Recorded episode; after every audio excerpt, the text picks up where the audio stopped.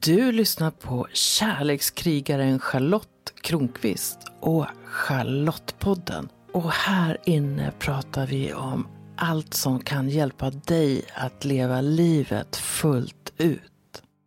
Är du en som fegar ur? Som säger att du ska göra det imorgon? Eller sen? Eller någon annan gång? Är du en sån som tänker mycket på vad andra tycker om dig, som oroar dig för att göra bort dig? I så fall är det kanske bra om du blir lite modigare. Om du står på dig lite mer. Om du kan göra saker trots att du är rädd för vad andra kan tycka om dig och de val som du gör. Kanske är det du som antingen älskar eller hatar uppmaningar av typen bli den bästa versionen av dig själv. Lev din potential eller Lev ditt drömliv. Själv har jag gjort allt det där. Jag har fegat ur. Jag har väntat till imorgon eller nästa år. Jag har varit skiträdd för att bli dömd av andra. Och det händer fortfarande, men mer sällan. Och det tackar jag min långa inre resa för och alla gångerna som jag har ställt mig frågan Vem är jag? Och det har lett till att idag så tycker jag både om mig själv och mitt liv. Och jag står ut med att ibland inte orka. Att ibland vara lite feg. Och att ibland känna mig lat. Och det kanske beror på att jag är mindre självkritisk än tidigare. Jag har blivit snällare mot mig själv. Och det hoppas jag att du också blir med tiden lite snällare mot dig själv. Och eftersom jag är en person som använder sociala medier så ser jag många uppmaningar av typen bli den bästa versionen av dig själv. Lev din potential. Lev ditt drömliv. Och det är kring de begreppen jag nu kommer att reflektera. Vad väcker de där uppmaningarna i mig? För det är vad jag ser, uppmaningar. Bli den bästa versionen av dig själv. Det skulle kunna vara ett utropstecken efter det. Lev din potential! Utropstecken. Lev ditt drömliv! Utropstecken. Och jag läser det som att jag ska bli något annat eller något mer eller något bättre än det jag är nu. Den där uppmaningen kan ses som något som får att pirra i kroppen som väcker tanken Ja visst, det vill jag. Jag vill leva mitt drömliv. Jag vill leva min potential. Men det kan också kännas som något slags krav. Eller kanske till och med som kritik. Den som säger det här, den som kommer med den här uppmaningen avser givetvis att det ska ses som en utmaning. Att den som läser det ska vara beredd att göra något för att nå någonstans, kanske någon annanstans. Inte sällan ingår i ekvationen att den som säger det, lev ditt drömliv, erbjuder sig att mot betalning hjälpa dig att nå din potential eller bli den bästa versionen av dig själv. Hmm. Häromdagen fick jag frågan vad skulle du säga är din största utmaning just nu med att skapa ditt drömliv? Jag blev helt ställd. Frågan förutsatte ju att jag har en klar idé om vad mitt drömliv skulle vara. Annars kan jag ju inte börja bena ut vad hindren eller utmaningarna skulle kunna vara. Men först ska jag tala lite om att vara den bästa versionen av sig själv. För vad är det egentligen? Handlar det om något yttre? Vem är jag i världen? Handlar det mer om något inre? Vem är jag? Eller handlar det om min fysiska kapacitet? Eller ska jag söka någon annan aspekt? Det funderar jag på. Begreppet den bästa versionen gör att jag ser liksom olika bilder av mig själv, olika versioner av mig själv där någon skulle vara bättre än de andra och någon skulle vara den allra, allra bästa. Men hur ser de där bilderna ut? Och vad skapar tanken på att liksom hitta den bästa versionen bland alla andra? Vilken version av mig själv är jag idag? Är jag en dålig version? Vad är i så fall mitt eh, sanna jag? Alltså, om det finns en version så borde det ju finnas något ursprung. Jag inser att jag nog inte har sökt den bästa versionen av mig utan att det mer handlat om att hitta hem i mig. Vem är jag på djupet? Vad är min djupa längtan? Vem är jag ur ett andligt perspektiv? Vem är jag på själsnivå? Lever jag mitt liv som jag eller lever jag som en slags kopia? Lever jag mer efter vad jag tror att andra förväntar sig av mig? Eller hur mycket lyssnar jag på mig själv? Hur väl känner jag igen min längtan, mina drömmar, mitt ljus? Och vilken plats får mörkret i drömlivet, potentialen eller den bästa versionen av mig. Du kanske tycker att jag nördar ner mig nu och så är det kanske. Men för mig handlar det om att prata lite grann om vad uttryck av den här typen väcker. Vad händer i mig när jag får uppmaningar som Lev din potential. En av de saker dessa uppmaningar väcker i mig är oro och tvivel. Det är som att felsökaren i mig vaknar till liv. Ett av mina mantran i livet är Var dig själv och tänk att du duger. Var dig själv och tänk att du duger. Men räcker det verkligen? Borde jag sträva mot något? Och vad är det rimligt att sträva emot? Vad skulle hända om jag slår fast att jag har ett bra liv och trivs med det? Skulle jag då klassas som en person som inte vill se min potential, som inte vill ha ett drömliv, som inte strävar efter att vara den bästa versionen av mig själv? Om man ser den bästa versionen som något rent fysiskt, då kan ju den bästa versionen vara den starkaste, mest uthålliga versionen av mig själv. Och frågan är när min kropp pikade. Det var säkert något decennium sedan. Ur den aspekten är det lite nedslående att i min ålder se på gamla bilder och fastställa att den bästa versionen är död och begraven. Men om jag anser att den bästa versionen handlar mer om inre egenskaper, då kanske jag redan är den bästa versionen av mig. Eller kan slipa till kanterna och bli ännu bättre. Vad skulle det kunna vara för egenskaper som är giltiga eller viktiga för att platsa i den bästa versionen av mig? På ett sätt kanske det till och med går att säga att den bästa versionen av mig är den jag är just nu även i nästa nu och nästa nu. Att jag gör så gott jag kan. Att jag lär mig av mina erfarenheter. Att jag står för mina värderingar.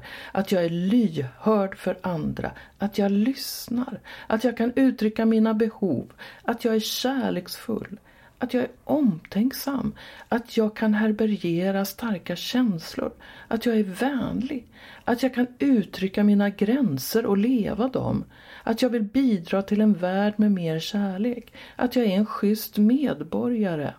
De saker jag säger nu är de som poppar upp Listan skulle förmodligen kunna göras längre.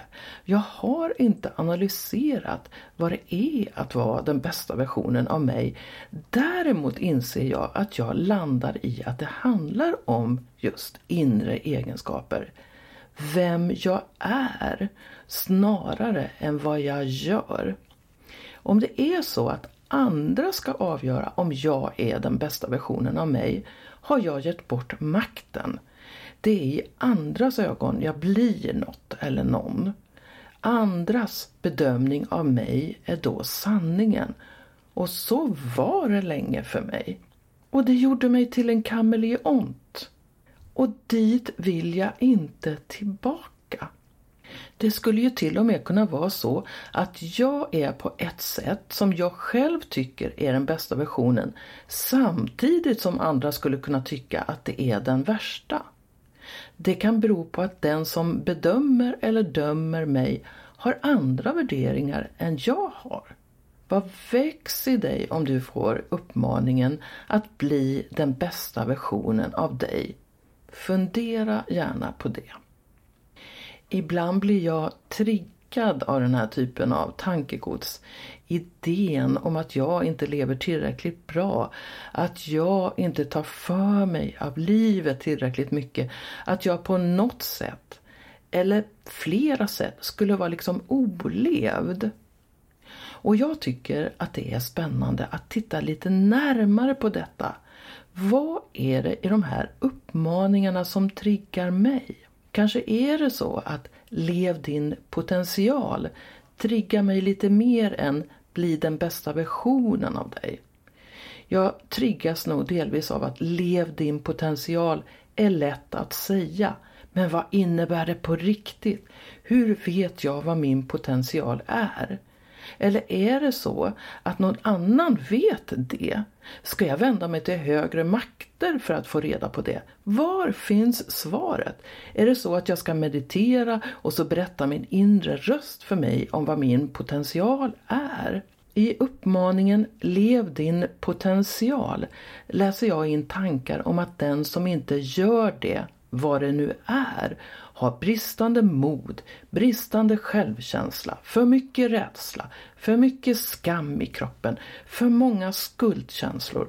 Och självklart är skuld, skam och låg självkänsla hinder när jag vill vara mig själv, vill följa mitt hjärta, men därifrån till potentialen. Kanske är det så att jag triggas helt enkelt för att jag inte förstår. Att jag tar uttrycket för bokstavligt. Att jag tror att det ska finnas en logisk förklaring till uttrycket. Jag vill förstå vad den menar som kommer med uppmaningen Lev din potential. Det som komplicerar saken, åtminstone för mig, är att jag tycker att begreppet är vagt. Dessutom finns det inget facit. Det finns inga mätmetoder, inga tydliga mål. Jag kommer att tänka på en del religiösa idéer som talar om att människor kommer till himlen eller helvetet.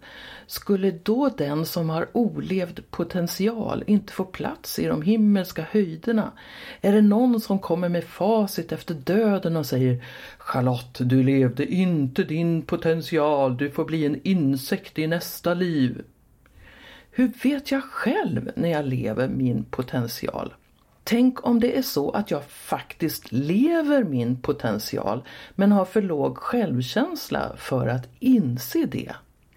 Tänk om denna idé om potentialen blir så stark att jag är beredd att betala tiotusentals kronor för att möta någon som hjälper mig igen och igen för att sträva efter det ogripbara. Och tänk om tanken på potentialen, känslan av misslyckande att nå dit leder till en nedåtgående spiral istället. Nej, jag kan verkligen inte leva min potential. Jag är för rädd, för skamsen, för feg, för dålig. Då är skammen där. Hon levde inte sitt liv till fullo. Kanske är det den som uppmanar oss att leva vår potential inte bara når längtan i oss utan också möter det lilla i oss, jante i oss. Den inom oss som saknar förmågan att se du kan och du gör. Du gör det redan. Du är det redan. Jag söker svar på nätet. Vad innebär potential? Wikipedia svarar. Potential. Någon eller något har möjlighet att utvecklas eller med tiden bli något signifikant mer värdefullt än det är just nu. En strävan mot att bli mer signifikant eller värdefull. Ökar min signifikans med antalet böcker jag säljer? Med hur mycket pengar jag drar in till mitt bolag? Om jag har många vänner? Assessio, ett företag som verkar jobba med rekrytering, skriver på sin hemsida. Din potential handlar om dina inre egenskaper som påverkar hur du agerar och hanterar olika situationer. Vissa beteenden kommer naturligt för dig medan andra kräver mer energi. De har inget med dina tidigare erfarenheter eller kunskaper att göra. Om du har lätt för att bygga relationer med andra människor kommer du också att ha högre potential att lyckas i en sån roll. Hmm. Jag vet inte om jag blev klokare. Mer än att det handlar om inre egenskaper och kanske de menar att mina inre egenskaper kan bidra till att lyckas i världen. Drömlivet då? Vad är ett drömliv? Är det den stora längtan jag har? En idé om hur livet på bästa sätt kan levas? Vad händer om jag tycker om mitt liv som det är? Varför är utgångspunkten ofta att människor inte lever sina drömliv?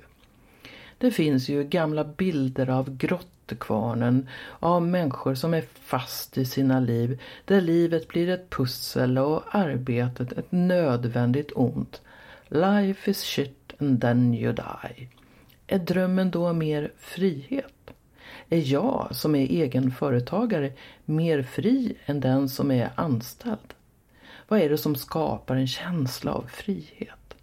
Vad behöver jag för att känna mig fri att vara mig själv? Ibland tänker jag att uppmaningar som lev ditt drömliv utgår ifrån att vi lever i brist. Det är något som saknas. Vad händer om jag byter förtecken och ser överflödet i mitt liv? Ser det som funkar i mitt liv? Ser det jag uppskattar med livet? Jag tror att många i ett land som vårt kan välja om de tycker att de lever i brist eller om de lever i överflöd. Att det delvis är en tankekonstruktion och att det finns starka krafter som vill att jag ska känna att jag är i brist. För då blir jag motiverad till att köpa mig en känsla av överflöd. Men hur mycket överflöd och glädje ger den nya prylen jag köper Bristtänkande är tyvärr en viktig beståndsdel i konsumtionssamhället. Konsumera dig lycklig lille vän. Tänk om det istället handlar om att hitta hem till dig själv. Sen snart ett år är jag med i en bokklubb som läser en bok och där vi möts på Zoom en gång i månaden för att tala om ett kapitel. Boken heter Kvinnor som slår följe med vargar och är skriven av Clarissa Pinkola Estes. Hon tittar på folksagor och analyserar dem ur ett jungianskt perspektiv och det är så lärorikt. Hon menar att det finns en varg inom alla kvinnor. Detta är en bok om kvinnor och den representerar det ursprungliga, friheten, djupet, kontakten med själen, andlighet. Clarissa Pinkola Estes ser ett samhälle där vi har fjärmat oss mycket ifrån oss själva och att det är viktigt att hitta hem till sig själv. På något sätt tror jag att det är vad det handlar om. För mig handlar det inte så mycket om ytan längre. Jag finner inga potentialer eller bästa versioner eller drömliv där ute. Jag tror att det redan finns djupt inne i mig, inne i oss. Kanske det handlar mer om att hitta hem på ett djupare plan.